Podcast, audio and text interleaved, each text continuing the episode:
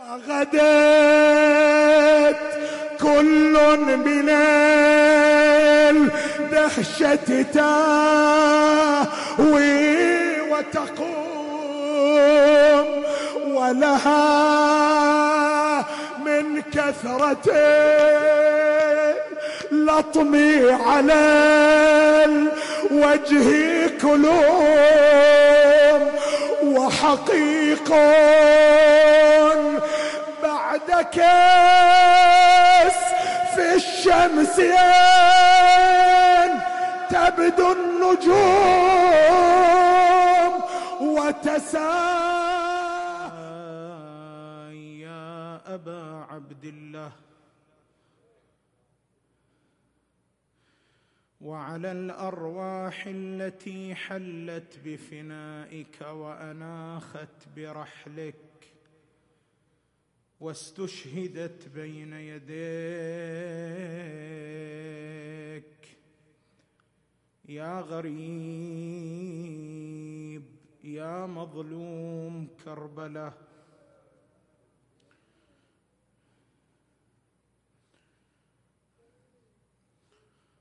لم يدر أين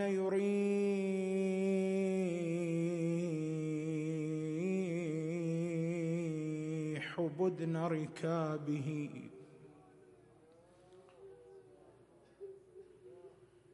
فكأنما المأوى عليه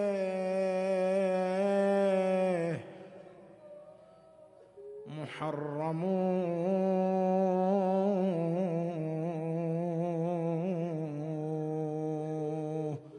وقد انجلى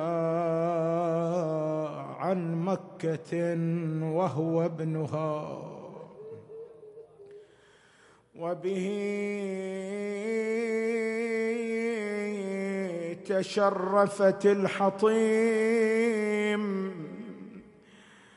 وزمزم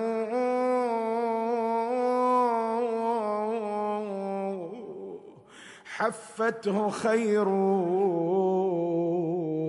عصابة مضرية. كالبدر حين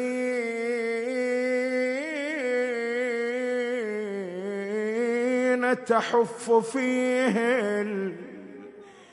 الأنجم.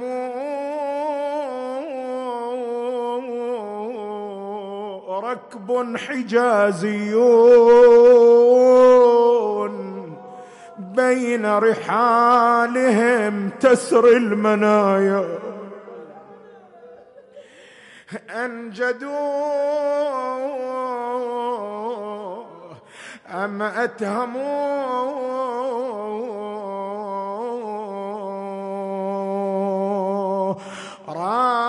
راياتهم رايات كلها حيدرية. وما شمايلهم شمايلهاش وهاي الهوادج للحريم الفا واللي على الميمون كان الضيغة محسن قدامهم فارس.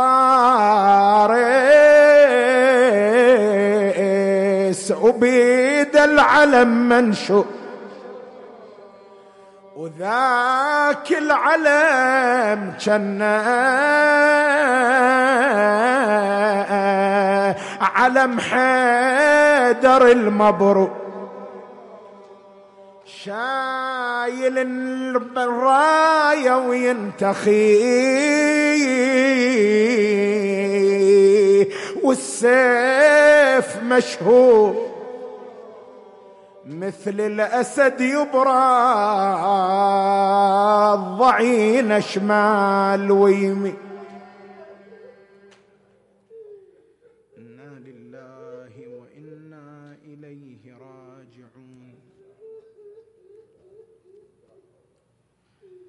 وسيعلم الذين ظلموا آل بيت محمد حقهم. أي منقلب ينقلبون والعاقبة للمتقين. قال الله العظيم في محكم كتابه الكريم قد خلت من قبلكم سنن فسيروا في الأرض فانظروا كيف كان عاقبة المكذبين. صدق الله العلي العظيم. طيبوا مجالسكم بذكر النبي وآله.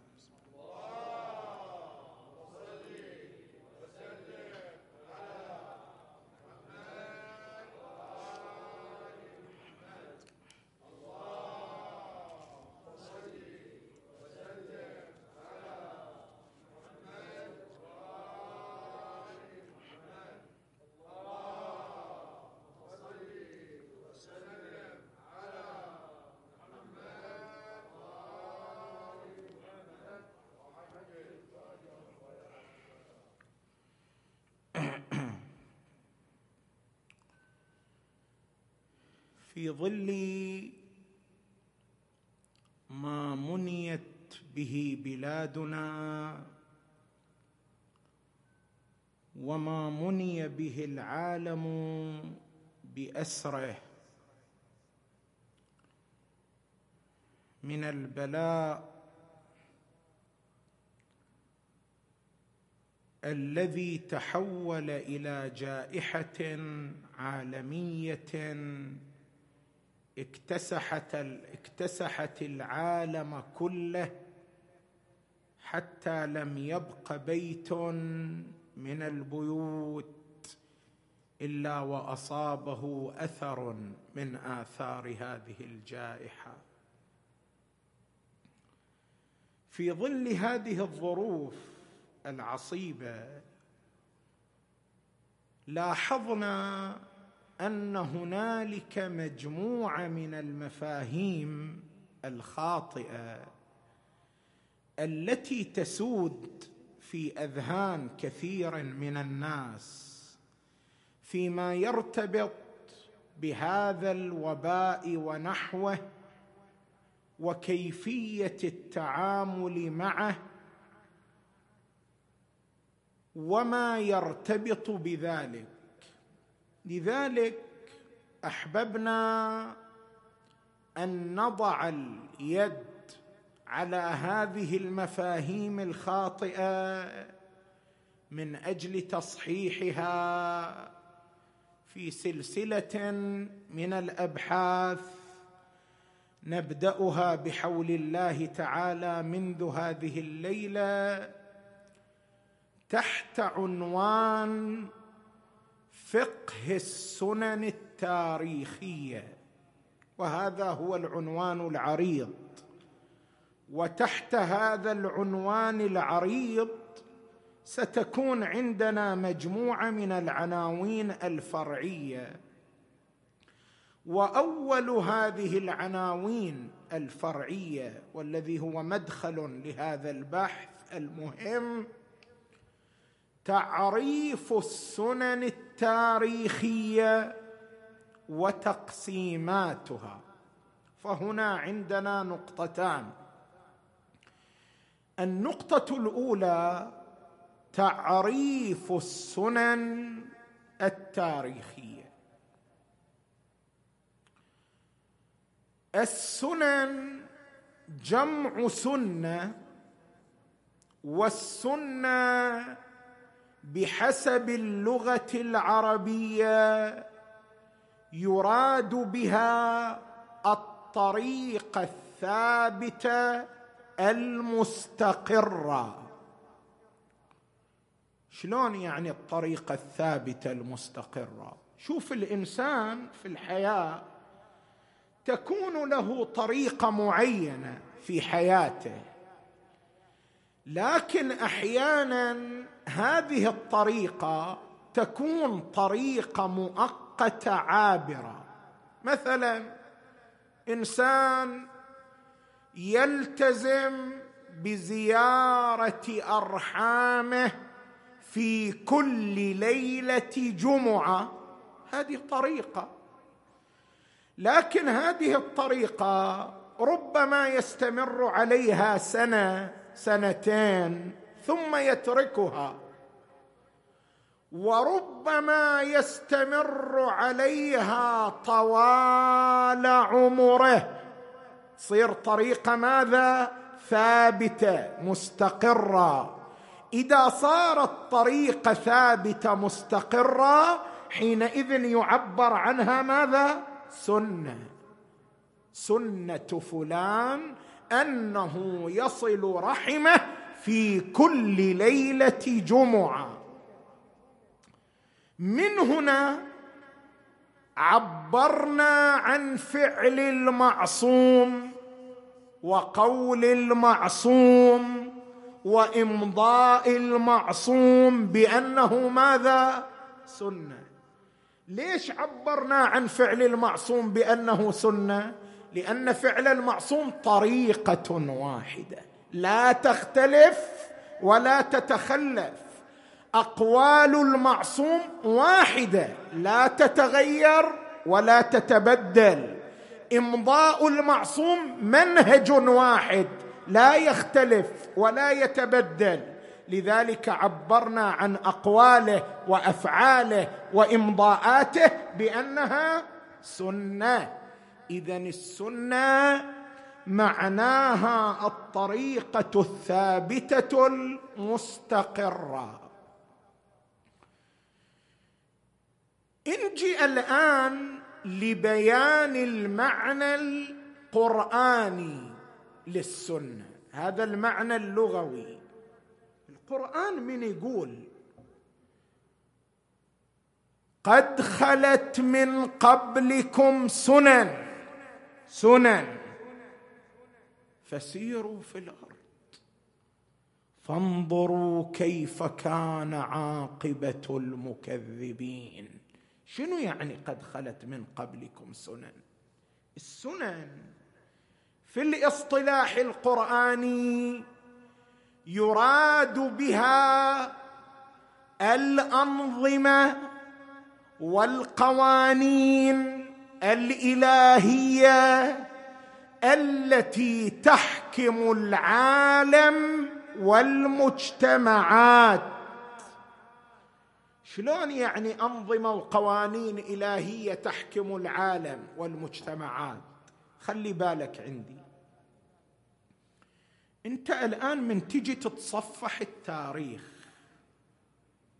تاريخ بلادك لو تاريخ المسلمين لو تاريخ الشيعة لو أي تاريخ آخر. لما نجي تتصفح التاريخ تلتقي بنمطين من القضايا. نمط نعبر عنه بالأحداث. نمط آخر نعبر عنه بالظواهر. شنو الفرق بين الأحداث والظواهر؟ الأحداث هي عبارة عن القضايا الجزئية.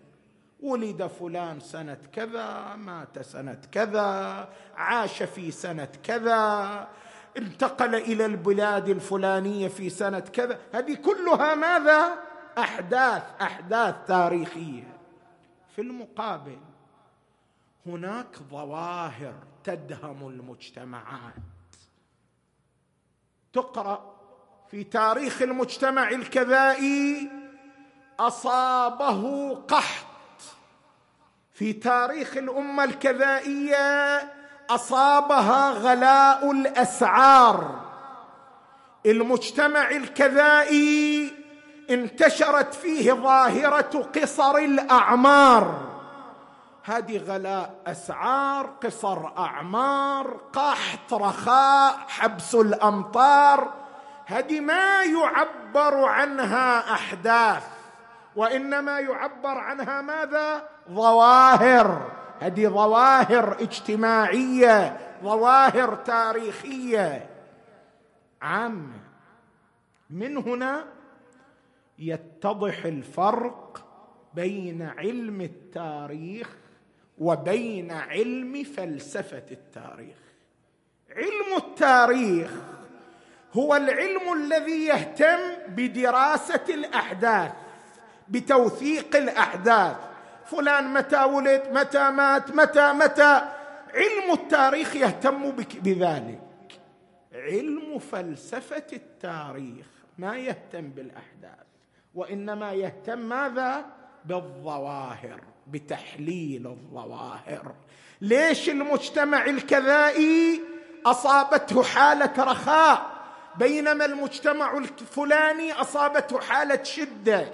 ليش المجتمع الكذائي أصابته حالة قحط؟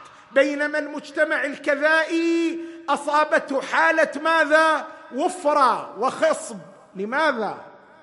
علم فلسفة التاريخ يعتني بدراسة الظواهر وتحليلها. زين إحنا نجي هني نطرح سؤال. توجهوا إخواني عندي. نقول هذه الظواهر التي تطرأ على المجتمعات. غلاء الأسعار قصر الأعمار الرخاء الشدة. هذه الظواهر هل تحدث بطريقة عفوية عشوائية أم أنها تخضع لقوانين وأنظمة إلهية؟ القرآن يقول ما أكو شيء عشوائي لا. ما أكو ظواهر عفوية لا. وباء ظاهرة خاضع لقانون إلهي. غلاء الأسعار خاضع لقانون إلهي. قصر الأعمار خاضع لنظام إلهي. الأحداث ما تح... الظواهر ما تتحقق بطريقة عفوية عشوائية بل هي عبارة عن ماذا؟ قوانين وأنظمة. شلون؟ ورد في الرواية عن النبي الأعظم محمد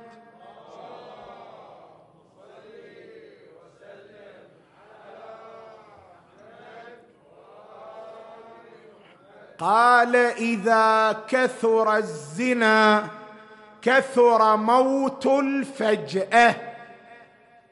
لما تصير ظاهرة موت الفجأة ظاهرة سائدة في مجتمع من المجتمعات فاعلم أن هذا لم يحدث بشكل عفوي عشوائي بل هنالك نظام قانون إلهي. إذا كثر الزنا النتيجة ماذا؟ كثر موت الفجاه ماكو شيء عفوي. لا تنظر للظواهر على أنها عفوية عشوائية بل هي خاضعة لقانون. وورد في الرواية عن الإمام الصادق عليه السلام قال إن الله إذا غضب على أمة ولم ينزل بها العذاب. أغلى أسعارها وقصر أعمارها ولم تربح تجارتها ولم تغزر أنهارها ولم تزكو ثمارها وسلط عليها شرارها وحبس عنها أمطارها. هذه ظواهر انت تعيش ربما في وقت من الأوقات. هذه الظواهر من تعيشها في وقت من الأوقات. لا تتصور لا تتصور أنها ظواهر عفوية عشوائية بل هي ظواهر محكومة ماذا؟ بنظام محكومة بقوانين. إن الله إذا غضب على أمة ولم ينزل بها العذاب صنع بها كل ذلك. اذا السنن التاريخية عبارة عن القوانين والأنظمة الإلهية التي تحكم العالم والمجتمعات. هذه نقطة فرغنا منها. نجي إلى النقطة الثانية وهي تقسيمات السنن. السنن لها عدة تقسيمات. لا بد أن نقف عندها واحدا بعد آخر لأنها مفاتيح لفهم مباحث سنن التاريخية. هناك تقسيمات أربعة للسنن. التقسيم الأول تقسيم السنن إلى سنن دنيوية وإلى سنن أخروية. شو الفرق بين السنن الدنيوية والسنن الأخروية؟ السنن الدنيوية هي عبارة عن القوانين الحاكمة على الظواهر السائدة في عالم الدنيا. أكو في عالم الدنيا ظواهر وهناك قوانين حاكمة عليها. زين سنن الأخروية هي عبارة عن القوانين الحاكمة على الظواهر التي تتحقق في عالم الاخره خل أبين لك هذا بالمثال. انجي إلى السنن الدنيوية. ورد في الرواية عن النبي الأعظم محمد صلى الله عليه وآله قال صنائع المعروف تدفع مصارع السوء. شوف الإنسان لو يموت ميتة مريحة. لو الإنسان والعياذ بالله يموت بمصرع سوء حادث حريق حادث هدم حادث تصادم حادث حادث وهذه سنن الحياة. زين الإنسان هل يمكن أن يقي نفسه عن مصارع السوء؟ النبي يقول نعم أكو نظام موجود في عالم الدنيا. صنائع المعروف تدفع مصارع السوء. يعني لما تكون أفعالك أفعال بر أفعال خير لجيرانك لأسرتك لمجتمعك لما الإنسان ديدنه فعل الخير فعل المعروف. هناك قانون إلهي يقول صنائع المعروف تدفع ميتة مصارع السوء. هذه سنة دنيوية. زين أكو سنن أخروية نعم. ورد في الرواية عن النبي الأعظم محمد صلى الله عليه وآله قال اتقوا الظلم. ليش؟ ليش؟ النبي يقول ترى أكو قانون خطير لمن يظلم. اتقوا الظلم فإنه ظلمات يوم القيامة. لما واحد يكون عنده منصب اعتباري هسه رئيس مدير ما أدري شنو لولا منصب اعتباري صغير رب أسرة وتحت يده زوجة وتحت يده أولاد.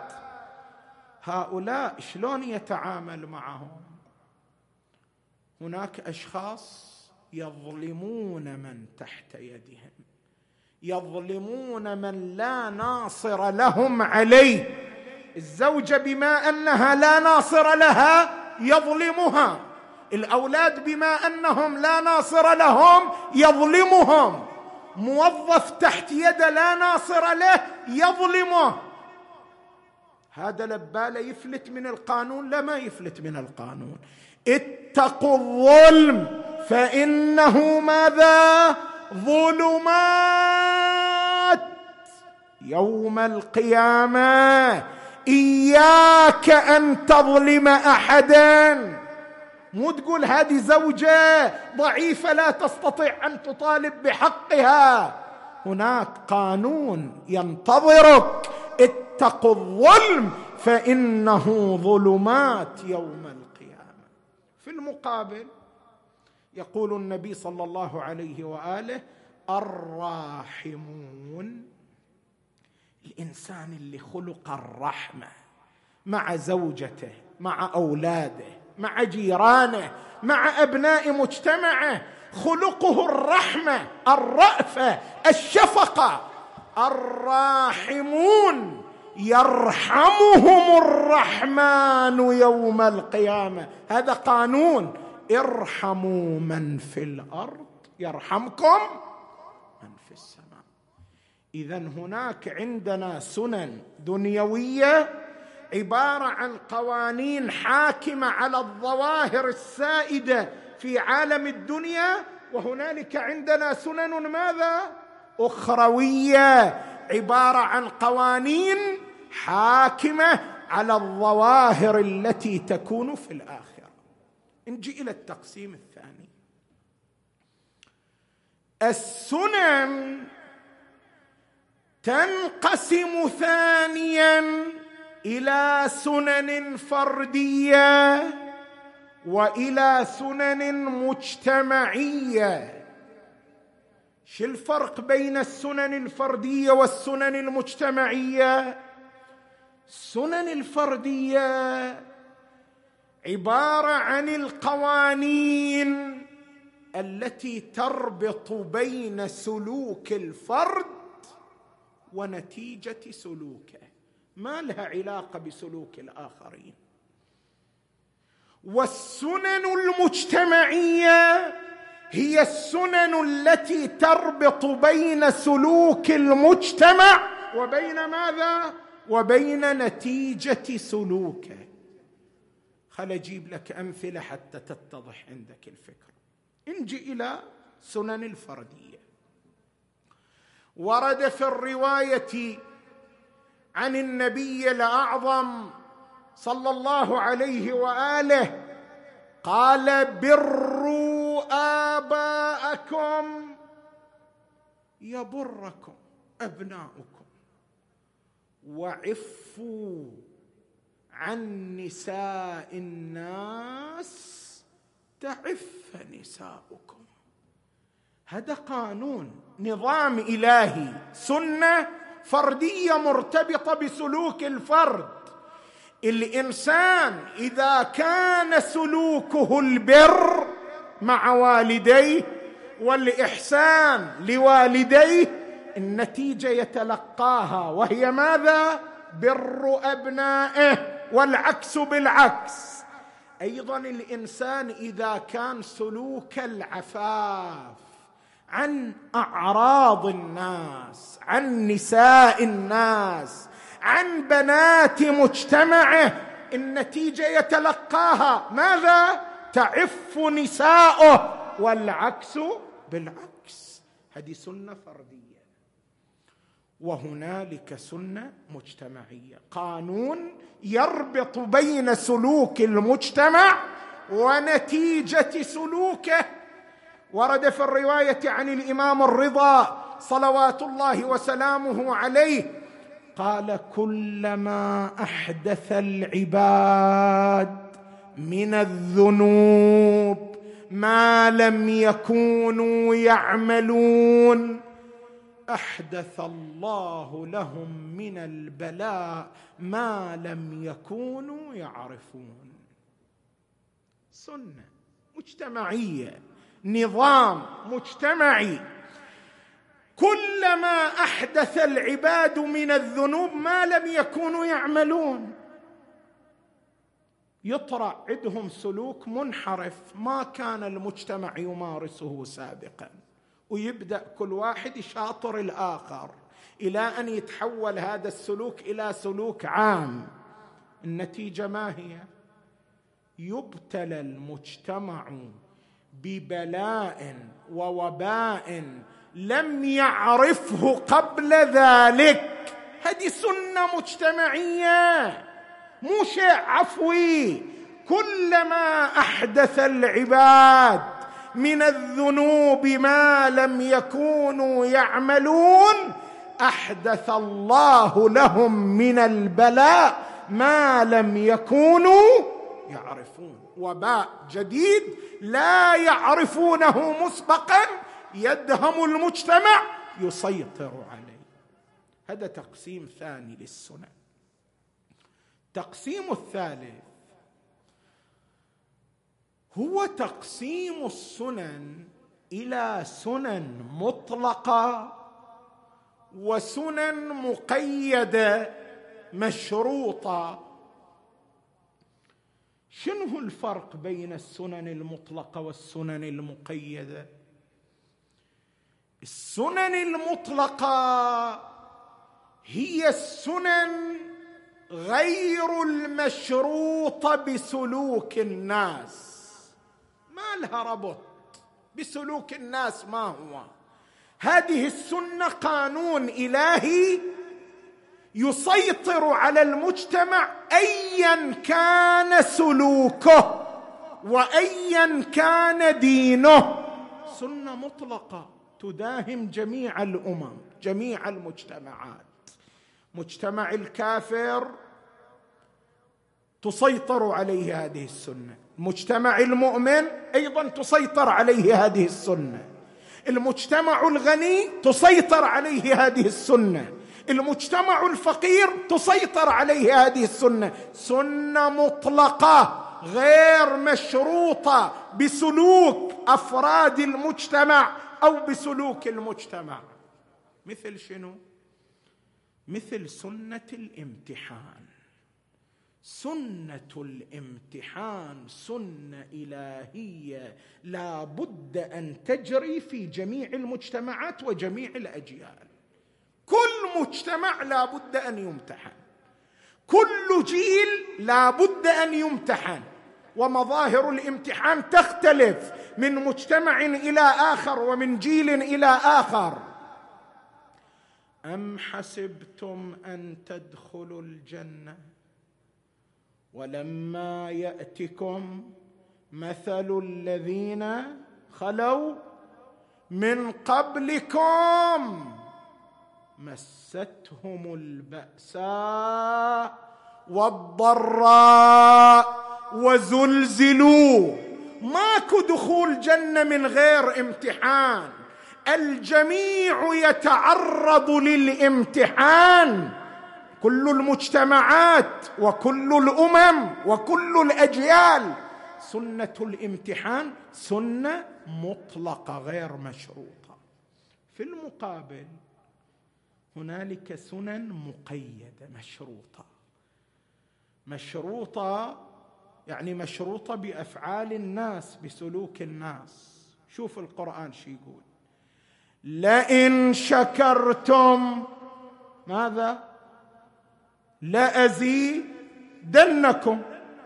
ولئن كفرتم إن عذابي. هذا قانون إلهي سنة. لكنها سنة ماذا؟ مشروطة. زيادة النعمة بزيادة الشكر. تقلص النعمة بتقلص الشكر. هذه سنة مشروطة بسلوك الناس وفعل الناس. اذا السنن لو تكون سنن مطلقة لا ربط لها بسلوك الناس. لو تكون سنن ماذا؟ مقيده مشروطه تقسيم ثالث. تقسيم الرابع والأخير. هو تقسيم السنن إلى سنن مادية وسنن روحية. شنو يعني؟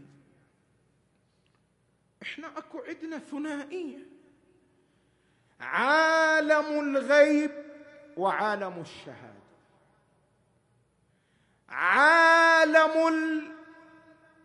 الروح وعالم الجسد. عالم المادة وعالم ما وراء المادة.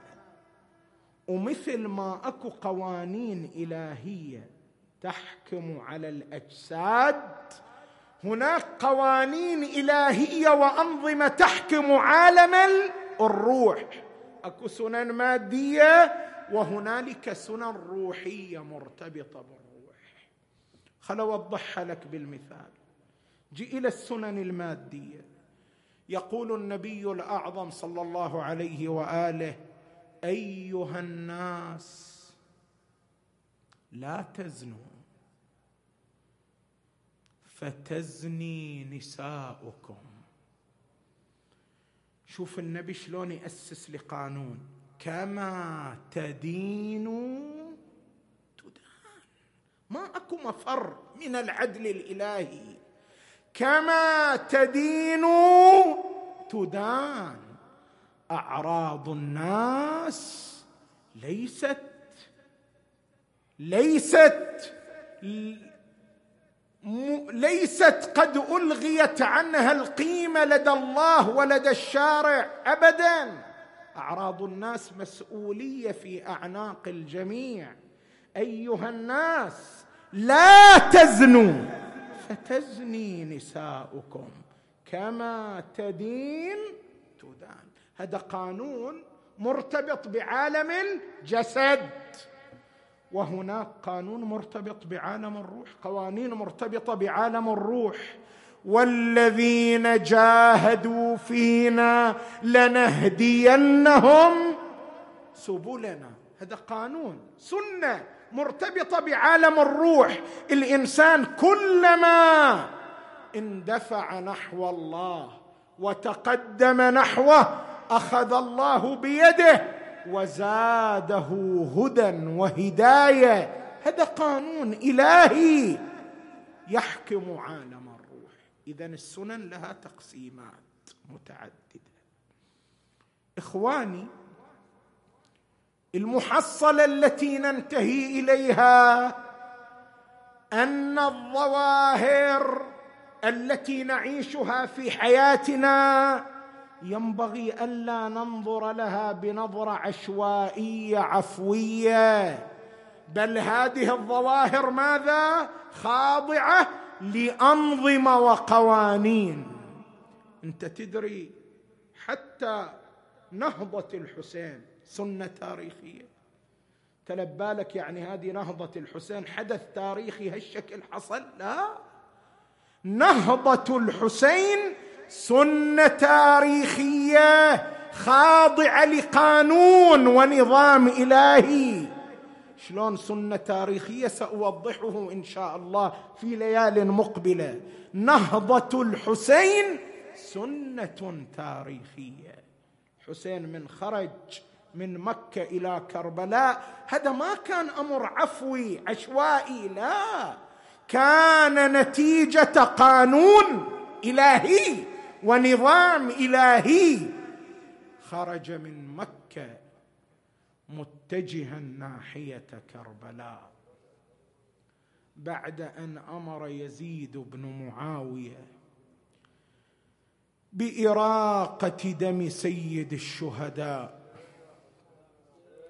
ولو كان متعلقا بأستار الكعبة.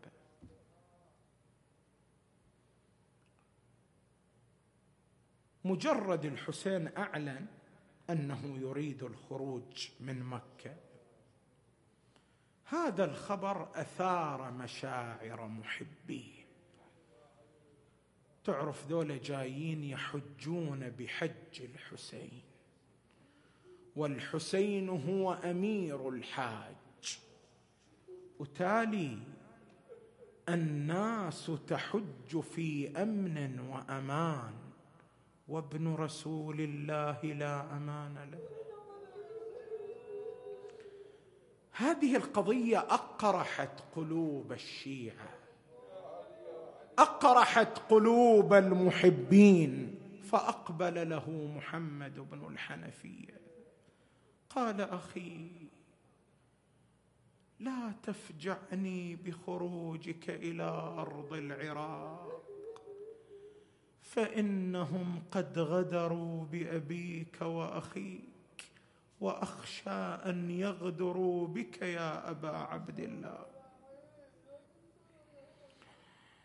وإن كنت ولا بد خارج فاذهب إلى البر أو اليمن فإنه أمنع لك جانبا. الحسين التفت إلى محمد بن الحنفية قال له دعني أنظر في الأمر يا ابن والدي. هذا الكلام نهار في النهار بين الحسين بين محمد بن الحنفية. في الليل وإذا محمد بن الحنفية يسمع ضجيج عجيج شنو صاير؟ قالوا لقد عزم الحسين على الرحيل. خرج محمد بن الحنفية ما وصل إلا وفخر المخدرات على هودجها سكين في محملها.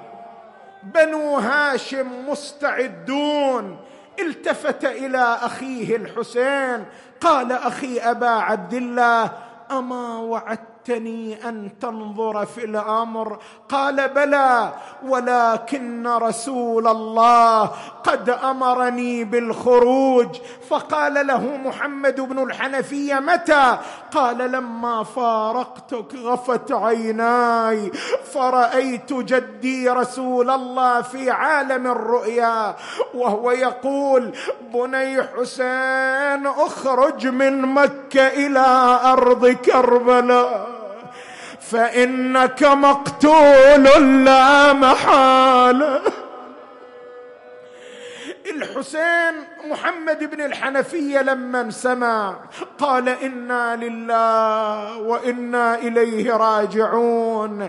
ثم التفت إلى الحسين قال أبو علي اعذرني أكو عندي تساؤل. ولو تجاسرت بين يديك وأنت الإمام المعصوم اسمح لي أسأل هالسؤال. قال سلني محمد.